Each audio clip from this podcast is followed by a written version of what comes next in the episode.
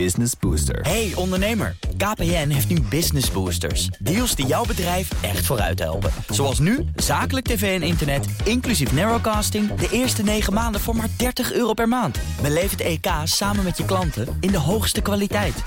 Kijk op kpn.com slash businessbooster. Business Booster. BNR's Big Five van de innovatieve zorg wordt mede mogelijk gemaakt door TU Delft. TU Delft en de gezondheidszorg. Jouw welzijn, onze innovatie. BNR.nl, het allerlaatste nieuws, unieke verhalen en scherpe columns. Lees het op bnr.nl. En blijf scherp. BNR Nieuwsradio. The Big Five. Art Rooijakkers. Het tekort aan personeel, de stijgende levensverwachting, de toenemende mogelijkheden van technologie. Het maakt de belangstelling voor zorginnovatie groot. Maar zorginnovatie is meer dan alleen apps, gadgets en robots. Wat voor innovatie is er niet alleen nodig, maar ook mogelijk om de zorg efficiënter, goedkoper en beter te maken? Daarover ga ik deze week in gesprek met vijf kopstukken in BNR's Big Five van de innovatieve zorg. Vandaag doe ik dat met Paul Blokhuis. Hij is voorzitter van de samenwerkende topklinische opleidingsziekenhuizen. Was hiervoor staatssecretaris van Volksgezondheid, Welzijn en Sport in kabinet Rutte 3 was dat alweer. Ja. Welkom. Dankjewel, Hart. Ja, we gaan het hebben over de samenwerking tussen die topklinische ziekenhuizen. Ik heb je Ja. net al stroperige organisaties genoemd. Ik zag je al knikken, want daar had je je mening over. Komen we over te spreken hoor. Maar ik wil Ja. graag eerst twee dingen van je weten. Allereerst, ja, ik moet dit aan een voormalig staatssecretaris wel vragen natuurlijk. Die formatieperikelen deze week. Hoe kijk je daarnaar? Ja, kijk, als je kijkt naar de formatie van het huidige, het zittende demissionaire kabinet. Dat heeft ook een, een, een tijdje geduurd. En ja, je ziet, het is in de zorg aan de orde, maar ook in de politiek. Alles hangt samen met hoe mensen zich tot elkaar verhouden. En dat, eh, ja, dat zie je wel van alle kanten langskomen. En ik denk dat iedereen wel de, de drang voelt, de verantwoordelijkheid. Het land moet bestuurd worden. Ja. Maar dat is makkelijk gezegd dan gedaan. Ja. Er wordt dan ook gewezen op onervarenheid. Is dat, iets, is dat belangrijk in zo'n proces als dit, waar we naar kijken? Die ervaring? Ah, je, je hebt hele ervaren vervelende mensen en onervarende vriendelijke mensen. Ja, ja. Eh, maar het feit is wel natuurlijk dat drie van de formerende partijen nooit bestuurders hebben geleverd, althans op landelijk niveau. Mhm. Dat is wel een dingetje. Ja, hoe gaat het aflopen? Ik heb geen glazen bol bij me, Art, maar ik weet het werkelijk niet. Ik, ik zou wel de verantwoordelijke willen oproepen van... zorg alsjeblieft dat we een kabinet krijgen, maar dan ook bij voorkeur een kabinet... dat eh, voldoende aandacht geeft aan goede zorg en, en aan preventie. Ja, en dat kan met deze partijen die nu aan het formeren zijn.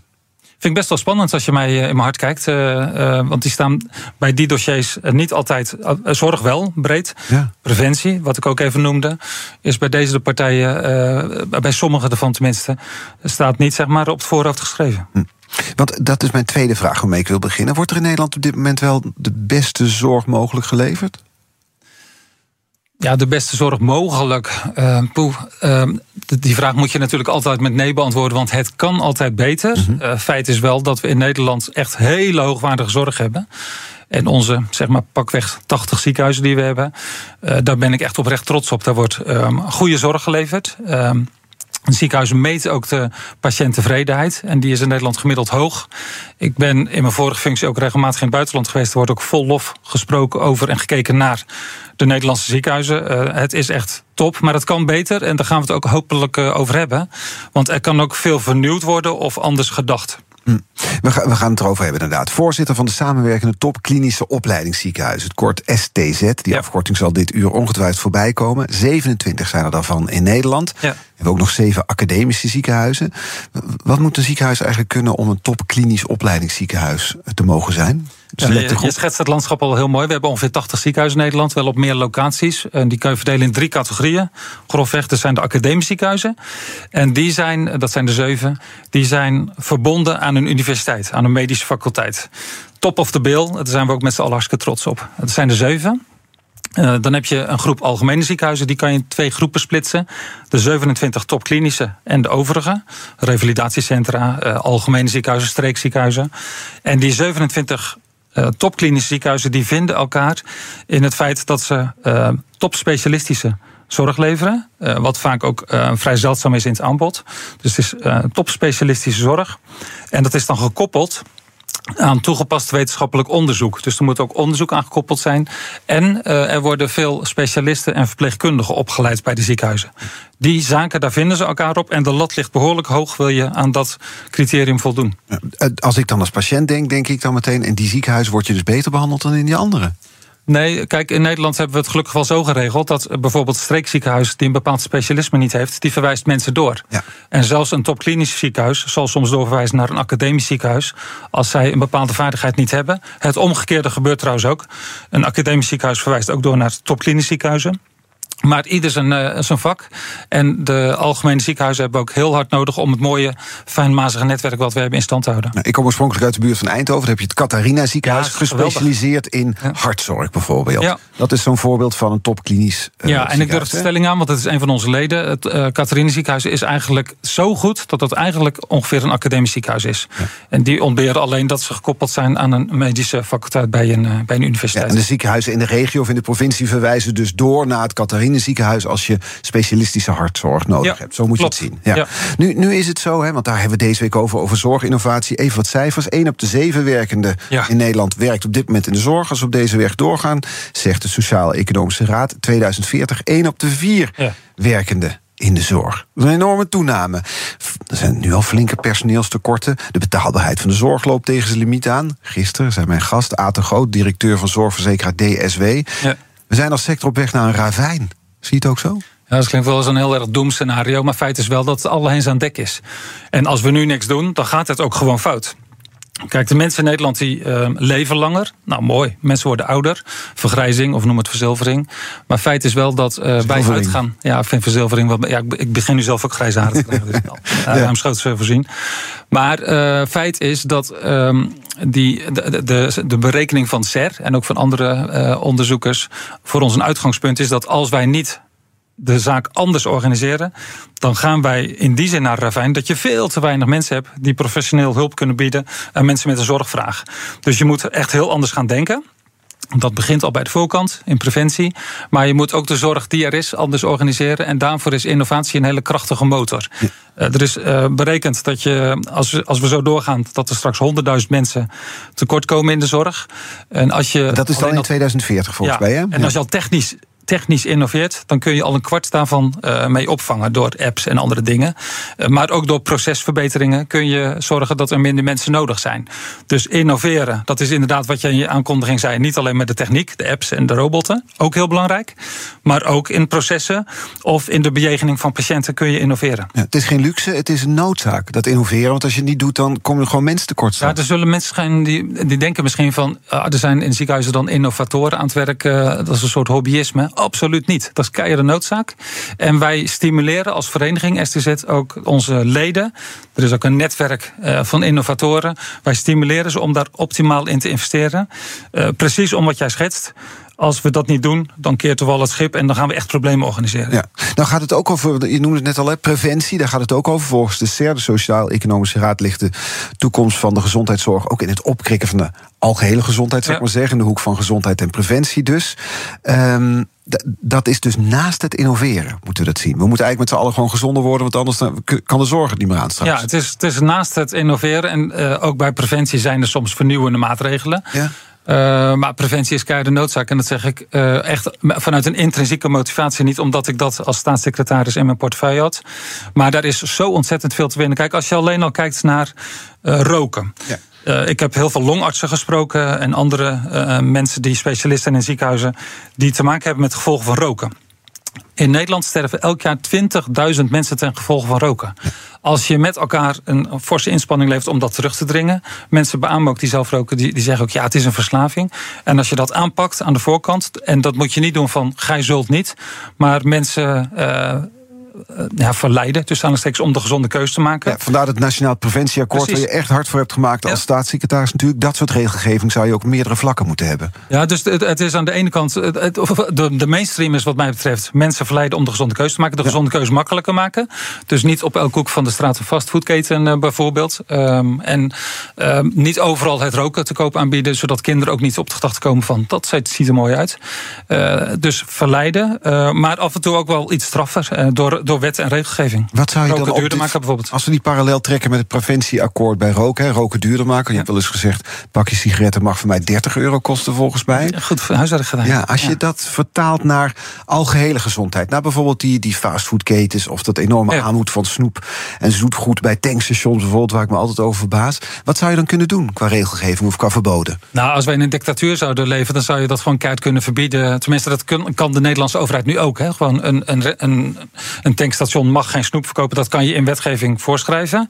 Dat gaat wel heel ver. Dat vind ik zelf ook wel eh, Ja. heel rigoureus. Maar minder Eh, fastfoodketens bijvoorbeeld per gemeente of niet in Ja. de buurt van scholen? Nou, de, eh, de Rijksoverheid die denkt er nu over na. Dat heb ik het denken gestart, zeg maar, om gemeenten instrumenten te geven.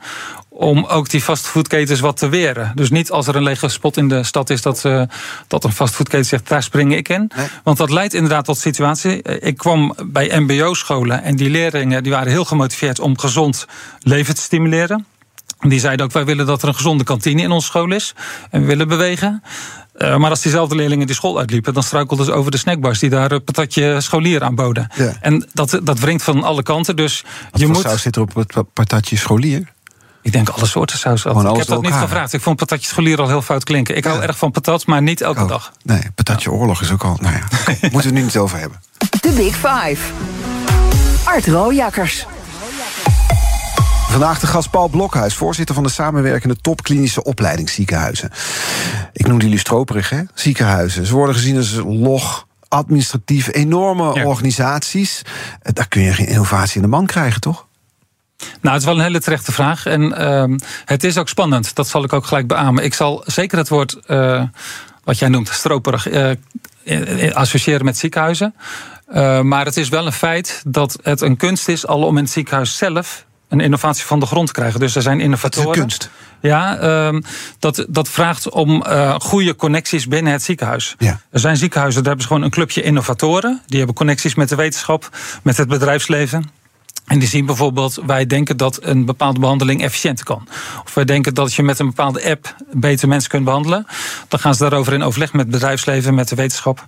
En ehm, elk ziekenhuis organiseert dat anders. Maar wij horen dus inderdaad sommige van die innovatoren die in dat netwerk van ons samenwerken, eh, verzuchten van voordat wij iemand van de raad van bestuur spreken. Dan moeten wij wel van hele goede huizen komen. En dat is, vind ik zelf, eh, een van de taken die wij als vereniging hebben. Ziekenhuizen stimuleren. Eh, dus die raden van bestuur prikkelen. Van zorg dat je een goede connectie hebt met innovatie. Zodat mensen die echt ideeën hebben die ertoe doen. dat dat niet in de kelder van het ziekenhuis blijft. maar dat dat eh, de top bereikt. Dat is al binnen het ziekenhuis zelf. Ja, dus dat is, je, je moet toegang hebben tot de leiding van een ziekenhuis. Ja, dat is heel nog iets als een ziekenhuiscultuur, toch? Ja, en dat verschilt per ziekenhuis. Eh, want er zijn ziekenhuizen, ik be- bezoek ze ook allemaal. eh, eh, ik ga op werkbezoek. En ja, ik ben echt onder de indruk wat er allemaal gedaan wordt. En het is voor ons ook altijd een vraag van hoe is de connectie tussen innovatie en de top? En wat mij betreft moet daar een hele stevige band tussen zijn. Want dat, dat is een van de succesfactoren. Als die innovatoren zich gehoord voelen, dat stimuleert natuurlijk ook om door te ontwikkelen. Ehm, maar dat is alleen nog binnen het ziekenhuis. Ja, maar als we nu heel concreet maken. Dus heeft iemand iets bedacht. Ja. Voortaan kan, ik doe maar even een lekentaal... kan een robot een bepaalde operatie uitvoeren... waar nu nog een chirurg voor nodig is. Ja. Zal die chirurg niet zo enthousiast zijn over die innovatie? Nou, dat, is een van de, dat zou een van de showstoppers kunnen zijn. Eh, wij hebben als STZ, als vereniging, eh, eh, innovatie echt heel hoog in het vaandel. Dat zit eigenlijk als het ware in het DNA van die ziekenhuizen. En wij zeggen ook, onze missie is niet om goede zorg te leveren, sec, maar om de zorgtransformatie te versnellen. Dus dat betekent, wij willen naar toekomstbestendige zorg. En wij vinden dat die 27 ziekenhuizen, stuk voor stuk groot, eh, goed geëquipeerd, leveren hele goede zorg, hebben een belangrijke positie in hun regio. Wij vinden dat die ziekenhuizen voorop moeten lopen met transformeren. En dat kan door innoveren. Ehm, wij hebben om die reden ook een leerstoel gevestigd bij de Tilburg University. Daar is een eh bijzonder hoogleraar die zich alleen bezighoudt met dit vraagstuk: innoveren en transformeren in de zorg. Ja. Annemarie Weggelaar, echt een kei met een enorm netwerk, die voor ons in beeld gaat brengen. En zover zijn we nu, hè, anno 2024. Die gaat voor ons in beeld brengen. Waar zitten de showstoppers bij het innoveren? Ja, en dat, maar dat En moet dus nog in kaart gebracht worden. Nou, wij weten dat voor een deel, maar eh, niet alleen exact weten per ziekenhuis en per samenwerkingsverband waar showstoppers Ja. zitten, maar volgens natuurlijk ook de oplossing aandragen hoe je dingen kan doorbreken. Ja, maar als we eens naar zo'n showstopper krijgen. Gisteren was was Aad de Groot, mijn gast, van uh, zorgverzekeraar DSW. Hij zegt, ja, ziekenhuizen, het is heel simpel, worden betaald op basis van productie. Hoe meer productie je draait, lees hoe meer ingrepen je doet... hoe beter het is voor het budget van een ziekenhuis. Dus als je gaat innoveren en er bijvoorbeeld voor gaat zorgen... dat er minder ingrepen zijn... dan gaat het ten koste van het economisch model van een ziekenhuis. Ja. Ken je dat? het is tot gek geworden dat je dit eh, zo bespreekt in 2024. Dat vind ik echt. Uh, mijn kinderen zouden zeggen dat is zo 2020, dit denken. Maar het is wel de werkelijkheid. Uh, Aan te groot zei ook dat er maar een half van het budget naar innoveren gaat. Ja, bij zorgverzekeraars. Dan hebben we toch eens over preventie. Dat mm. vind ik zelf ook. Daar mag meer heen. Mhm. Maar innoveren moet echt een belangrijker stem krijgen in het hele zorggebeuren. Dat is echt een cultuurverandering. Dat is er nu nog niet. En inderdaad, er kan een negatief prikkel zijn omdat mensen denken, precies wat jij zegt, er wordt een robot ontwikkeld, wacht even, die gaat doen wat ik doe uh, en ik dan. Ja. Dus um, dan is er bij die beroepsgroep niet de grootste prikkel om dat te helpen stimuleren. Uh, als je het hebt over meer hoog over, de productieprikkel, um, dat is dus niet vol te houden. Die, die manier van bekostigen, uh, en dat was tot voor kort overal aan de orde. Uh, als jij productie draait, dan financieren we dat. Dus het aantal patiënten keer het tarief, dat is de contractprijs. Daar stappen we langzamerhand vanaf. Gisteren was er ook een vergadering van de ziekenhuizen. En daar gaf uh, Maastad, ben ik pas ook op werkbezoek geweest. Uh, trouwens, mijn uh, voormalige collega Sander Dekker. Ja. Die gaf daar het mooie voorbeeld dat zij niet meer contracteren op productie, maar op kwaliteit. Dus er wordt door de verzekeraar gestuurd op welke kwalitatieve zorg lever je. En dat betekent niet hoeveel mensen behandel je, maar lever je goede zorg. Ja. Heel moeilijk te meten, dus het is best een kunst. dat vind ik al een hele mooie stap.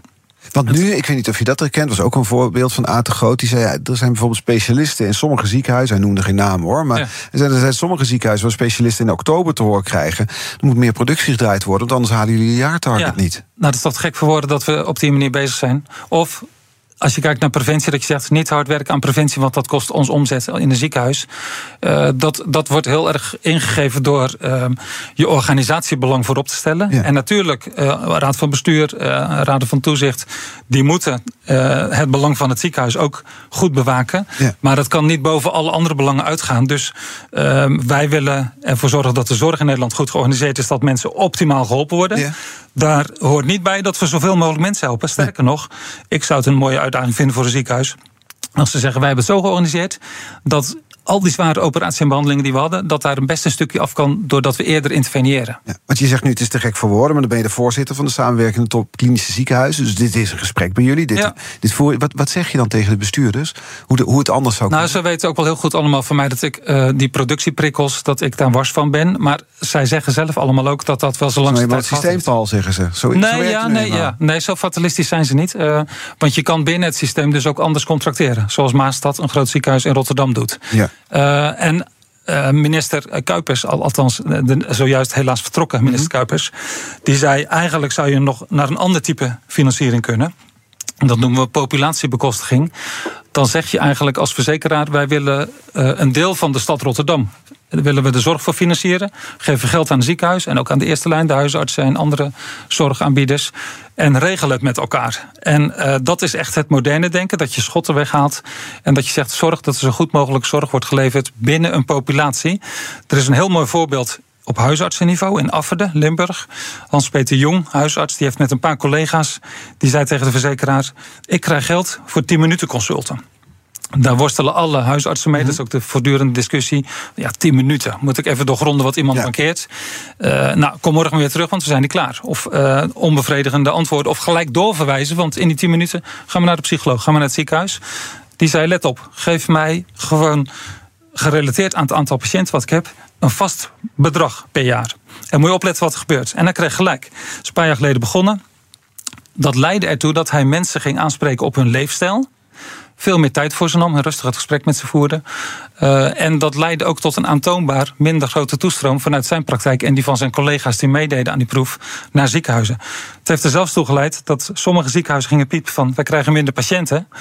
Een logische reflex. Mhm. En dat de verzekeraar zei: we gaan de pilot om die reden niet uitbreiden nog. Ja, dan denk ik, volgens mij ben je dan echt verkeerd bezig. Uh, want dit is een hele mooie beweging. De vraag is eerder hoe je zo'n project zou kunnen opschalen. Hoe je dat niet alleen bij één ja. huisarts zou kunnen doen, maar ja. naar een hele regio nou, ook een ziekenhuis. En de STZ gaat niet over huisartsen, die ambitie hebben we ook niet. Maar dan zou ik gelijk de ambitie hebben de aanpak van Hans-Peter Jong moeten we over heel Nederland uitrollen. Ja. Hoe doe je dat bij die ziekenhuizen van jullie bijvoorbeeld? Ja. Wat, wat zou dan de manier zijn waarop dat wel zou kunnen? Nou, we hebben een paar ijzers in het vuur. Dat is eh, eh, elkaar stimuleren. Wij hebben om het jaar wat we noemen een innovatie-challenge. En dat is echt een competitie waarbij ziekenhuizen worden uitgedaagd om de mooiste innovaties naar voren te schuiven. En eh, vorig jaar, oktober, Minister Kuipers die eh, deelde de prijs uit eh, op ons event. En die zei, nou, ongelooflijk wat jullie leveren. Want er werden van die 27 ziekenhuizen 134 hele mooie innovaties door de brievenbus geschoven. Ja. En die, eh, je ziet dan ook dat er een soort cultuur ontstaat dat ze, ehm, dat ze de mooiste innovatie willen hebben. Maar je ziet daarnaast, want dat is de prijs, dat ze in een netwerk daar volgens over in gesprek gaan van hoe kunnen wij mooie innovaties delen. Uh, en dan hebben we onze leerstoel, waar ik het net over had met Annemarie Weggelaar. Die een groep van ongeveer tien promovendi om zich heen uh, heeft. Er is er ook eentje aan verbonden bij de STZ, Manon Roest. Die verdiept zich in de vraag hoe kunnen we zorgen dat innovaties succesvol kunnen worden uitgebreid ja. over ziekenhuizen. Dus op die manier zijn jullie ermee bezig. Ik, ja. ik, neem je mee naar de kettingvraag. Gisteren was dus, ik noemde hem al, mijn gast Aten Groot, directeur van zorgverzekeraar DSW. Mocht je een vraag stellen, dat was deze. Ik heb eigenlijk een, vraag die in twee. Eén uh, bevestigt, uh, Paul, ook het, het, het, mijn stelling dat de huidige bekostiging innovatie tegenhoudt. De bekostiging van ziekenhuizen. En twee, welke vorm van bekostiging zou hij dan zien die juist innovaties gaat stimuleren? En hoe ziet hij dat dan in samenwerking of in relatie met de zorgverzekeraar en ziekenhuis? Ja, nou, dat eerste, die stelling, daar was je het volgens mij mee eens. Hè? Ja, ja. ja, heel erg. En welke manier van bekostiging dan? Nou, ik noemde het voorbeeld van populatiebekostiging, maar je zou je ook zelfs binnen het huidige stelsel, als de verzekeraars uh, op dezelfde manier contracteren als nu, zou je kunnen voorstellen dat ze zeggen van zullen we nou voortaan niet die prikkel inbouwen van een half procent financiering voor innoveren, maar een groter deel. Mm -hmm. Daar kan je gewoon afspraken over maken. En dat doen ze ook vanuit een, een welbegrepen eigenbelang. Want als je innoveert, dat doe je niet voor de kat en viool, dat doe je met een doel. De zorg moet doelmatiger, betaalbaar en minstens zo goed zijn. En als je daar als verzekeraar in durft te investeren, dan betaalt dat zich terug. Ik kan zo misschien, als je me daar de ruimte voor geeft, een paar voorbeelden noemen van hele mooie innovaties die dat ook met zich meebrengen. Mm -hmm. En als een verzekeraar dat ook ziet, en dat is echt evidence-based, wetenschappelijk onderzoek aangekoppeld, dit werkt, uh, dan verdient die verzekeraar ermee. En die, die kan dan ook gaan shinen met een minder hoge premie of zeggen: ik ga nog meer in innoveren stoppen. Ik wil straks graag naar die de voorbeelden wil ik even samen op induiken. Maar ik heb eerst nog een andere vraag, namelijk of iedereen met wie je in de sector spreekt overtuigd is van het belang van innovatie en van een andere manier van denken binnen de zorg. Ja. Ik ben nog niemand tegengekomen die zegt: uh, innovatie is uh, niet aan mij besteed. Uh, je. Nee, dat is echt. elk ziekenhuis, zeker onze leden, maar ook de algemene ziekenhuizen, ook de academische ziekenhuizen, die, die, die vinden het een uitdaging om te investeren in innoveren. En precies om de redenen die je aan het begin schetste, we moeten wel. Mm -hmm. En hopelijk doen ze het ook vanuit een intrinsieke motivatie van... we willen het ook graag, want het is ook heel tof om erin te investeren. Dus ik kom niemand tegen die het niet wil. Wat ik wel tegenkom, is dat ziekenhuizen zeggen... ja, die innovatie zouden we ook wel willen... maar daar hebben we de middelen niet voor of de mogelijkheden. Of gewoon zeggen van, mijn buurman heeft het uitgevonden... dan doe ik het niet, want ja. dat is een beetje grappen van de buurman. Ja, Not invented here. Nee. Ik praat zo verder met Paul Blok. Hardlopen, dat is goed voor je. En Nationale Nederlanden helpt je daar graag bij. Bijvoorbeeld met onze digitale NN Running Coach... die antwoord geeft op al je hardloopvragen. Dus, kom ook in beweging. Onze support heb je. Kijk op nn.nl slash hardlopen. Business Booster. Hey ondernemer, KPN heeft nu Business Boosters. Deals die jouw bedrijf echt vooruit helpen. Zoals nu, zakelijk tv en internet, inclusief narrowcasting... de eerste 9 maanden voor maar 30 euro per maand. Beleef het EK samen met je klanten in de hoogste kwaliteit. Kijk op kpn.com slash businessbooster. Business Booster. BNR Nieuwsradio. The Big Five. Art Rooijakkers. Welkom bij tweede half uur deze week vijf kopstuk uit de wereld van de innovatieve zorg. Eerder deze week, maandag was dat, sprak ik met Maruska Rovers van het wetenschappelijk uh, bureau. Nee, ze is wetenschappelijk directeur van het Technisch Medisch Centrum TechMed van de Universiteit Twente. Ging over innovaties in de zorg natuurlijk. Terug te luisteren via onze eigen app. Vooral doen zou ik zeggen. Vandaag de gast Paul Blokhuis, voorzitter van de samenwerkende topklinische opleidingsziekenhuizen. Um, komend half uur wil ik graag nog onderwerpen met je bespreken. Twee sowieso, namelijk hoe de zorg er in 2000 40 uit moet zien. En welke innovaties in de zorgsector op kort termijn voor verbetering Ja, kunnen zorgen. prima. Dus met het laatste beginnen. Kijk, ik denk dan bij innovatieve zorg, voordat ik deze week begon, dacht ik, nou, dan heb je het dus over robots en eh, apps en Terecht. exoskeletten, die dingen die mensen aan kunnen doen, waardoor ze weer kunnen lopen en andere 3D-printers. Precies, hypermoderne uitvindingen. Maar er zijn verschillende categorieën innovaties, heb ik me inmiddels laten vertellen. Leg eens uit. En dat overlapt met elkaar wel een deel, maar grosso modo kan je eh, drie categorieën onderscheiden. Je hebt de, de technische, de technologische innovaties, eh, de voorbeelden die je noemt, de robots, et cetera, de apps. Ja, en dan heb je bijvoorbeeld een, een, een robot die hartoperaties kan uitvoeren of zo. Ja, als ik daar straks wat over mag zeggen, daar ben ik hartstikke trots op. Maar het is echt een mondiale top, wat wij in, de- in Nederland aan Nou, doen. vertel maar. Nou, dat is in, eh, in eh, eh, Delft, eh, het eh eh, Renier de Graaf eh, gasthuis, het ziekenhuis daar. Daar is een specialist met een groep mensen om zich heen... eh, in combinatie met eh, ja, zijn eigen bedrijf. Dit heeft hij daarvoor ontwikkeld. Die heeft eh, de robotische echocardiografie ontwikkeld. Heel simpel gezegd, in eh, plat Nederlands, de echo-robot. Eh, en dat heeft hij gedaan vanuit de drijfveer dat eh echolaboranten en andere hoogopgeleide mensen die de echo's moeten doen, dat is een zeldzaam soort. Eh, dus daar zijn weinig mensen van. En dat, dat laat de boel opstropen. Hè. Je kan minder echo's doen dan je zou willen, omdat het aanbod van personeel eh, Kost tijd. is. Ja. Het is ook eh, ergonomisch, eh, eh, kost dat heel veel moeite, die echo's maken. Dus het is in die zin ook dan niet zo populair, omdat het ergonomisch niet echt heel handig is, arbotechnisch. En hij heeft eh, gezegd, ik ga wat ontwikkelen. En die heeft een robot ontwikkeld. Nou, daar heeft hij een filmpje van gemaakt. En dat heeft hij ook ingezonden in onze Innovatie Challenge, waar we het hier net over hadden. En ja, die heeft met glans die prijs gewonnen. Want Ja. het is nog een innovatie in ontwikkeling. Eh, er zijn prototypes nu.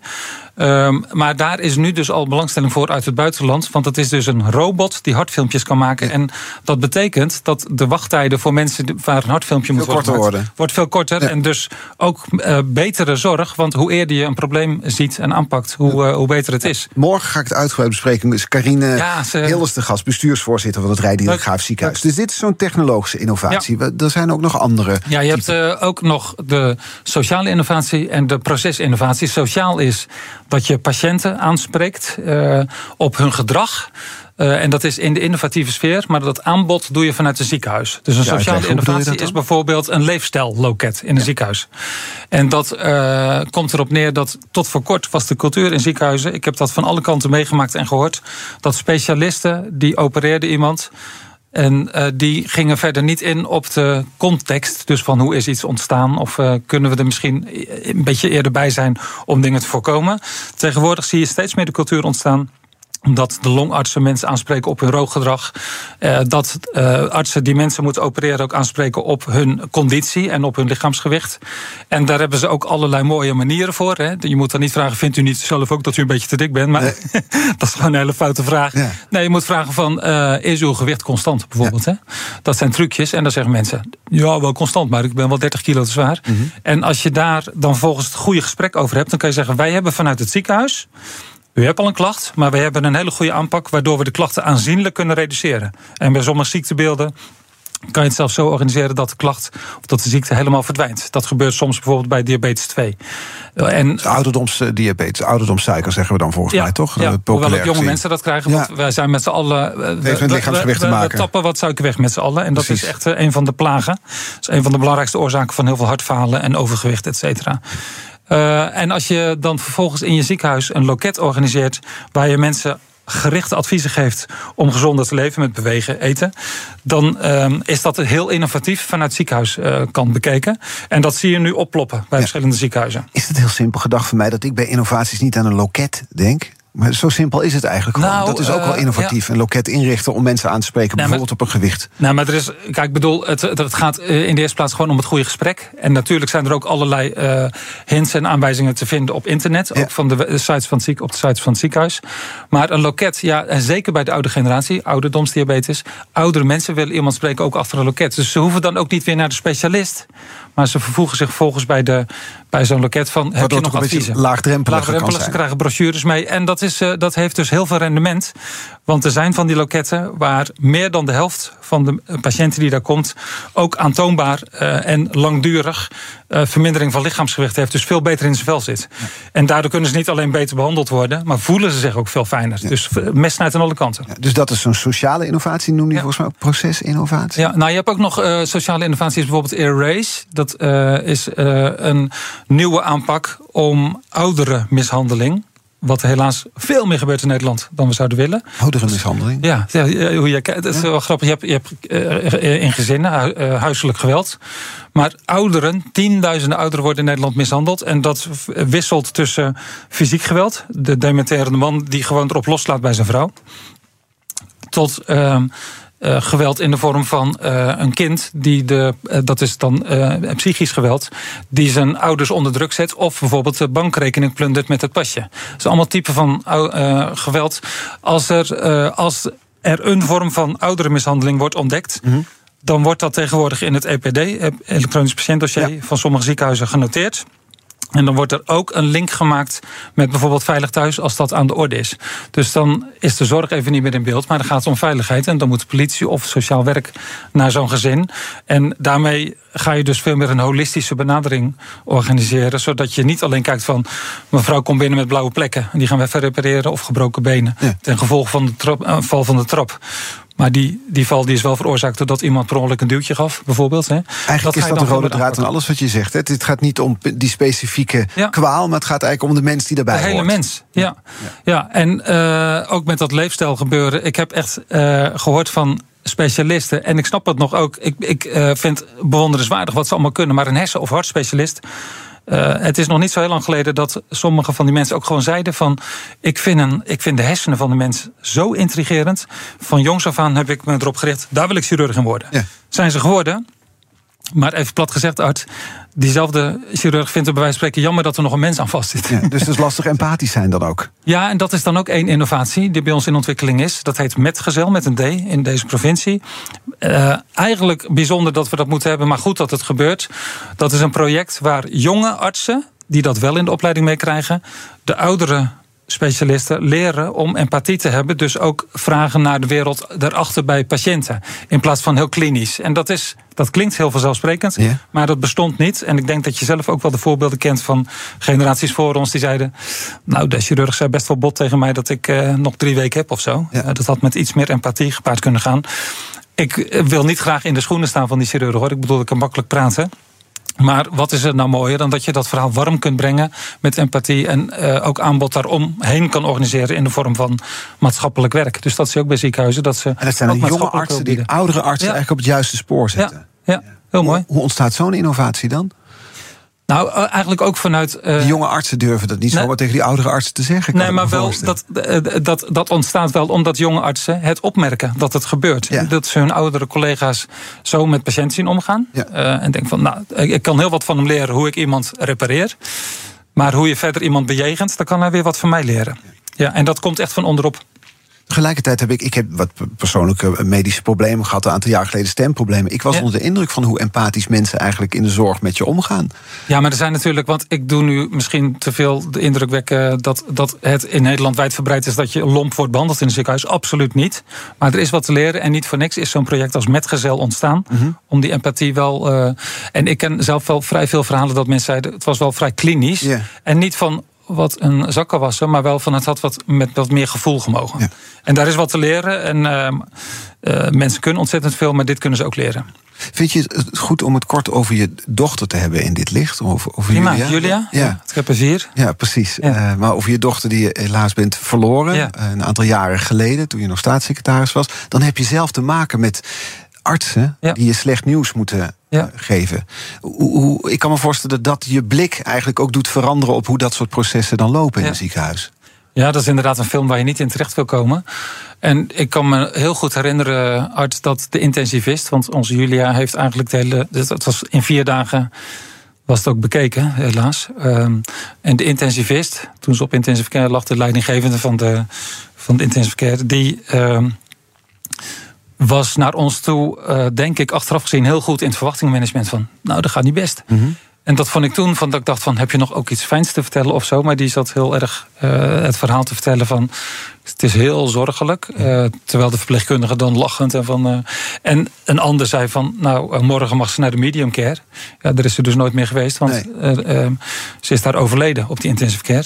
Dus ook een vorm van empathie om eerlijk te zijn, wil je maar zeggen. Ja, dat vind ik het eerlijke verhaal. En die intensivist verstond ook nog de kunst om dat warm naast dit te doen. Dus um, laat vooral niet de gedachte blijven bestaan van mensen kunnen het allemaal niet. Maar de, het is niet voor niks dat zo'n project als metgezel wel opkomt, omdat er wel behoefte aan is. Ja.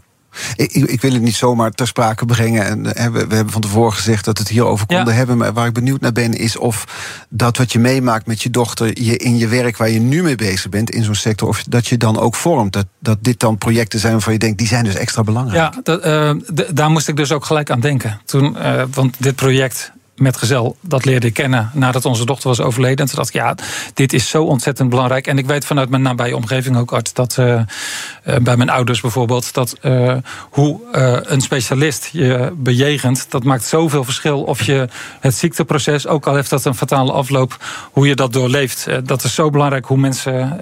en dat, daar werd ik toen alleen maar in bevestigd. Ja, en met Julia niks dan lof op. Maar ik moet wel eerlijk zeggen, eerder, toen ze net binnenkwam, kregen wij van een, uh, van een andere verpleegkundige het horen van. Ik laat jullie vast de medium care zien, want hier gaat ze komen. En hou er maar rekening mee dat ze verlammingsverschijnselen overhoudt. Want ze heeft hart- en herseninfarct gehad. Dat was allemaal verschrikkelijk. Uh, dat is verkeerd verwachtingmanagement, wel goed bedoeld. Dus mm -hmm. ik heb liever het goede verwachtingmanagement. Dat je ook zegt van hou rekening met het ergste. Ja. Het lijkt me trouwens overigens dan confronterend als je nu voor je werk zo vaak in ziekenhuizen komt. Nou, ik moet je eerlijk zeggen, uh, toen ik staatssecretaris was, ook, kwam ik op Curaçao. En toen ging ik over alle zorg, dus ook ziekenhuizen. Want daar ging ik als staatssecretaris niet over. Maar in het Caribisch gebied ging ik over de hele zorg, dus ook over ziekenhuizen. Toen kreeg ik een rondleiding in een prachtig ziekenhuis op Curaçao. En opeens ging de deur van de intensive care open en ik zag de draden en de slangen. En. Uh, ik kan vrij goed altijd de knop omzetten van ik schakel mijn emoties even uit. Tenminste, uh, ik ga niet lopen huilen daar of zo. Maar het was of ik naar mijn strot werd gegrepen. Ik zei, dit hoef ik even niet te zien. Ik gelijk rechtsomkeerd en er was een directeur van VVS bij. Ik zei, wegwezen hier jongens, die snapt het gelijk. Ja. Maar um, intensive care is niet, de, is niet de omgeving waar ik het liefst kom, moet je zeggen. Ja, dat is erg déjà vu met heel nare afloop. En... Hardlopen, dat is goed voor je. En Nationale Nederlanden helpt je daar graag bij. Bijvoorbeeld met onze digitale NN Running Coach... die antwoord geeft op al je hardloopvragen. Dus, kom ook in beweging. Onze support heb je. Kijk op nn.nl slash hardlopen.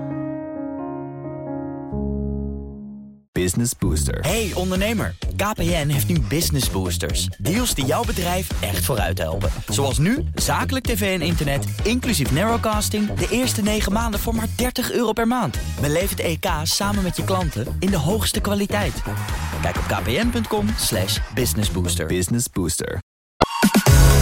BNR Nieuwsradio. The Big Five. Art Rojakkers. Je luistert naar BNR's Big Five van de innovatieve zorg. Eerder deze week sprak ik met Dirk de Ridder. Hij is professor neurochirurgie aan de Universiteit van Otago, dus Nieuw-Zeeland. Ging over de innovatieve behandeling van tinnitus waarmee hij bezig is. Terug te luisteren via onze eigen app, de bekende, bekende podcastkanalen. Vandaag de gast Paul Blokhuis, voorzitter van de samenwerkende topklinische opleidingsziekenhuizen. Ja, we hebben allerlei innovaties zojuist de revue laten passeren op verschillende terreinen. Nog niet de procesinnovatie. Dat vind ik wel, wel heel oh, leuk. Ik dacht dat, dat met, metgezel, dat nee, dat een proces... Nee, mag ik heel kort een ja, proces, tuurlijk, vind ja. dat goed? Ja, maar ik dacht uh, dat dat daarbij hoorde. Nee, ja, het is heel, heel complex. Want uh, dingen overlappen elkaar ook wel. Ja. Hoor, want dit heeft ook inderdaad wel met een proces te maken van hoe bejegen je de patiënt. En wat is procesinnovatie dan? Nou, een hele mooie hier om de hoek, hè, de OLVG, uh, onze lieve vrouw Gasthuis. fantastisch ziekenhuis in Amsterdam. Um, die hebben um, de spoedpolie ontworpen. En dat houdt in, uh, je hebt een spoedeisende eerste hulp. Daar, komen, daar mag iedereen naar binnen lopen -hmm. met brandwonden, met uh, ledematen die ontzettend beschadigd zijn. Als er een glasplaat op je gezicht is gevallen. Mensen met hartfalen, met hartklachten. En dat is een enorme drukke toko. En de gemiddelde tijd dat mensen moeten wachten daar is drie uur. En dat is niet alleen hier, dat is in Nederland. De doorlooptijd is drie uur. En uh, dat was voor de patiënt niet fijn, maar zeker ook voor het behandelend personeel. En dat gaat ook in pieken dan. De ene keer super druk en de andere keer uh, wat rustiger. En zij hebben daar, dat is een lang proces geweest, maar ze hebben gezegd: wij gaan de groep splitsen. De mensen met echt acute problemen, hartfalen of met enorme verwondingen ten gevolge van een ongeval bijvoorbeeld, die gaan we gelijk helpen. Maar er zijn ook mensen die wel spoedeisend zijn, maar die even kunnen wachten en die op afspraak kunnen komen. En dus die splitsing hebben ze gemaakt. En daarvoor is de spoedpolie ingericht voor die mensen die wel snel geholpen moeten worden, maar waar het niet heel ernstig is. Hechtingen bijvoorbeeld, ik noem maar iets. Ja, buikpijn. Buikpijn, ja. Eh, Van ik heb buikpijn, dokter. En dat kan uiteindelijk ernstig zijn, maar dat is niet dat je dan morgen dood bent, bijvoorbeeld. Precies, dus daar kun je iets langer mee wachten. Ja, en dat doen ze dus op afspraak. Ja. En dat leidt ertoe, en als je het nou hebt, dit is een procesinnovatie, dus dat hele proces is anders ingeregeld. Die patiëntgroepen zijn gesplitst. Eh, dat leidt tot 60% efficiëntiewinst. Als je het hebt over hoe houden we die zorg betaalbaar. Dus Dat betekent dat het ook gigantische winst. 60% sneller gaat? Ja, ehm, ehm, de doorlooptijd voor de patiënt. Die gaat omlaag? Die, die gaat van drie uur nu Ja? naar drie kwartier. Ja, dat scheelt nogal. En dat is dus voor de patiënt. De, de tevredenheidsonderzoek van patiënten die stijgt eh, met sprongen. Ja. Maar ook van de, het personeel. Ja. Sterker nog, er zijn een paar oudere verpleegkundigen bij het OVG die zeiden: met die spoedpolie, ik vond het zo'n gek huis hier. Ik had eigenlijk gedachten van: ik kan ook nog andere dingen in mijn leven Ja? doen. Maar met die spoedpolie zeggen ze van: ik blijf hier. Dus daarmee ben je ook nog een soort magneet voor talent. Je houdt mensen die hun waarde hebben bewezen, die hou je ook langer in dienst. Ja, ja. En je noemt eventjes tussen haakjes eh, ons steeds opleidingsziekenhuizen. Dat is helemaal correct volgens de letter. Maar dat opleiding halen wij er vanaf, want wij zijn veel meer dan opleiding. Wij zijn eerlijk gezegd wel hofleveranciers Ja. van eh, chirurgen en verpleegkundigen. Maar we zijn veel meer dan Noem het is top- ve- veel te veel je allemaal. Top klinische ziekenhuizen. Precies. 27 zijn er van in Nederland. Ik zal het nog een keer noemen. We gaan dus naar 2040. We vliegen even vooruit. Eh, ik noemde aan het begin al de cijfers. Hè. Eén op de vier werkende zorg zou dan moeten werken om onze zorgvraag te beantwoorden. Nou goed, we hebben het over innovaties gehad die dat kunnen tegengaan. Tenminste, niet helemaal, maar dat kan al gedeeltelijk kan dat dan eh, misschien nou, de klappen opvangen, zou ik maar zeggen. Er moeten ook andere step- stappen gezet worden. Ja, als we een beetje nadenken, zo een beetje meanderen, een beetje in de toekomst kijken, waar komen we dan op uit? Wat voor zorg hebben we dan? Of Ja. zouden we moeten hebben in 2040? Nou, ik hoop in ieder geval tussen nu en 2040 dat STZ heel goed werk doet in het opschalen van goede innovaties. Mhm. Dus dat zo'n spoedpolie waar ik het net over had. eh, er zijn inmiddels 13 van onze leden die zeggen dat willen wij ook, maar dat is heel ingewikkeld. We moeten onze processen aanpassen, ICT. OVG heeft er zeven jaar over gedaan. En wij zeggen de volgende die dat ook willen gaan doen, die staan in de rij. Dat moet in, eh, in veel kortere tijd. Dus daar, daar gaan wij ze bij helpen. Eh, die ambitie hebben wij als STZ.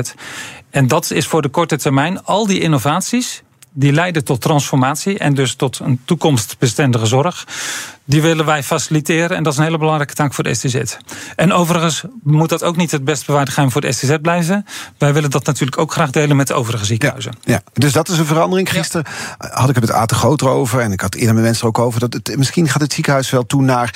Eigenlijk, er, zijn, er zijn wat wachtkamers, er zijn veel OK's. Maar verder, verder zitten veel meer thuis. We komen weer in Ja. het ziekenhuis als het goed is. Nee, en dat is. eh, ja, geeft, eh, eh, ik, ik kop hem in, want daar zit heel veel ehm, efficiëntie en verbetering eh, Ehm, er zijn zeven ziekenhuizen die lid zijn van de STZ, verenigd onder een conglomeraatje die noemen zichzelf Santion. En die zijn daar nu heel erg op aan het sturen dat mensen veel meer thuis behandeld worden. Dat noemen we in het zorgjargon eh, digitale zorgpaden. Dus bijvoorbeeld een patiënt die eh diabetes eh, is, die tot voor kort vaak werd opgenomen, heel vaak naar de specialist in het ziekenhuis moet. Daar hebben ze een heel pad voor ontwikkeld met concreet beschreven hoe iemand dan thuis ook behandeld kan worden en met een app eh, zijn eigen ziektebeeld kan volgen en gegevens monitoren en doorgeven aan de behandelaars. Eh, dat, daar zit heel veel toekomst. Dus dat de patiënt veel meer zelf ook geïnvolveerd raakt, eh, betrokken is. Ja. En natuurlijk is een patiënt heel erg gemotiveerd, want die wil zelf zo comfortabel mogelijk leven. En kijk naar jezelf. Ik denk dat je liever thuis je, je gezondheidsgegevens monitort en dat even doorgeeft op een appje. En dat dan de specialist zegt: Art, je moet even overmorgen wel komen, want het is weer even tijd voor een kleine beurt. Daar zit hem de sleutel, want je wil je gehoord voelen als patiënt. Ja. En je hebt het idee dat als je in een wachtkamer hebt gezeten, je hebt een half uur moeten wachten, dan mag je aanschrijven dat, aan dat bureau. Nou, zo'n, tegenover zo'n man of vrouw die geeft op de computer je gegevens erbij haalt. Ja. Dan word je gezien, je wordt gehoord. Als je thuis zit met een app, ja, je weet ook niet wie er dan precies meekijkt. Dus daar lijkt me wel spanning zitten. Nou, je weet wel wie er meekijkt, want er zijn hele duidelijke protocollen waarvoor. Nee, maar ik bedoel meer, maar wie er meekijkt, of die Oh, arts inderdaad, ja, of Ja. die arts inderdaad Nee. wel tijd voor je maakt. Of Ja. dat hij toevallig dacht, nou, ik wil liever een broodje eten dan deze gegevens in de gaten houden. Nou, ook hier wordt natuurlijk de patiënttevredenheid gemeten. En dat is echt heel positief. Die ziekenhuizen, daar ben ik hartstikke trots op, die zeven. Die zetten daar hele grote stap in. Er is ook geld vanuit VWS voor de verzorgverzekeraars 2,8 miljard om zulke soort processen te helpen faciliteren. Daar krijgen zij een deel voor om dit van de grond te tillen. Juist met het oog op wat jij vraagt. Hoe zorg je ervoor dat ziekenhuizen, of dat de zorg in 2040 ook nog toegankelijk is en minimaal dezelfde zorg levert? Dat kan door veel meer thuis te behandelen. En dat is um, via die zeven ziekenhuizen. Het moet toch? Het is noodzaak. Ja, maar dan blijkt ook dat het vaak kan. En de eerlijkheid gebied ook te zeggen dat zeker wat oudere patiënten dat best wel spannend en eng vinden. Je mm. zal maar hartfalen hebben. En, thuis, en de verpleegkundige zegt: Ik geef jou een app mee. En via de iPad kun je doorgeven als je denkt dat je bijna doodgaat. Ja. Nee, zo werkt het niet. Er moet volstrekte veiligheid zijn. Dus er zijn allerlei borgingen omheen van dit is thuisverantwoord. En als het eh, de nood aan de man is, dat zien wij ook. Je kan bijvoorbeeld ook uh, uh, mensen een sensor opzetten, mm. zodat je ook op afstand kan meemeten in het ziekenhuis. Krijg, dus, krijg zo alsnog een melding in het systeem. We gaan de kettingvraag weer doorgeven. Morgen, ik noemde de naam al, Krine Hilders, bestuursvoorzitter van het Reinier de Graaf Ziekenhuis. We hebben die innovatie al kort besproken. Zullen we het morgen nog uitgebreider over met haar hebben? Je mag een kettingvraag stellen. Nou, ik wil aan haar eigenlijk een vraag stellen die hier alles mee te maken heeft. Ehm, het is nog een prototype van die echo-robot. Ehm, hoe gaat zij als ziekenhuis daar een bijdrage aan leveren dat dat uh, zo snel mogelijk ook een product wordt wat bestaat en toegepast wordt? En waar niet alleen Delft trots op is, maar heel Nederland. Mhm. En dat ook in andere landen wordt toegepast. Dus hoe gaat zij als ziekenhuis eraan bijdragen? En wat heeft zij van de STZ nodig om ervoor te zorgen dat dat niet het best bewaarde geheim van Delft blijft? Dus hoe kunnen wij erin faciliteren dat als het één keer werkt, en ik ben ervan overtuigd dat het gaat werken, dat dan ook de andere ziekenhuizen dit kunnen toepassen. Wat heeft zij dan van ons nodig? Ja. Nou, goede vraag. We gaan het er morgen voorleggen aan Carine Hilders, bestuursvoorzitter van het Reinier de Graaf Ziekenhuis. Dank voor de komst vandaag. Paul Blokhuis, in, uh, sinds juli 22 voorzitter. Hè? Ja, dus klopt. Nog een paar jaar te gaan. Ja. Hopelijk wel. Ik ben heel gemotiveerd en het is een hele mooie club om uh, leiding aan te geven. Hou vol, zou ik zeggen. Voorzitter van de samenwerkende topklinische ziekenhuizen, zal ik deze keer zeggen. Ja. Um, onze uitzendingen die zijn terug te luisteren als podcast. Kun je doen in onze eigen app. Die werkt fantastisch. Er zitten ook allemaal andere podcasts van BNR in. Je kan ook je favoriete podcastkanaal gebruiken. Dan hoef je geen aflevering te missen. En wil je nog meer weten over zorginnovaties, moet je zeker ook even luisteren naar BNR Beter. Elke maandag neemt mijn collega Nina van den Dungen een nieuwe zorginnovatie onder loep. Dus om half vier op BNR, altijd in die podcast-app. We gaan naar BNR Zaken doen op deze zender. Thomas van Zeil, tot morgen. BNR's Big Five van de innovatieve zorg wordt mede mogelijk gemaakt door TU Delft. TU Delft en de gezondheidszorg. Jouw welzijn, onze innovatie. Hardlopen, dat is goed voor je. En Nationale Nederlanden helpt je daar graag bij. Bijvoorbeeld met onze digitale NN Running Coach... die antwoord geeft op al je hardloopvragen. Dus, kom ook in beweging. Onze support heb je. Kijk op nn.nl slash hardlopen.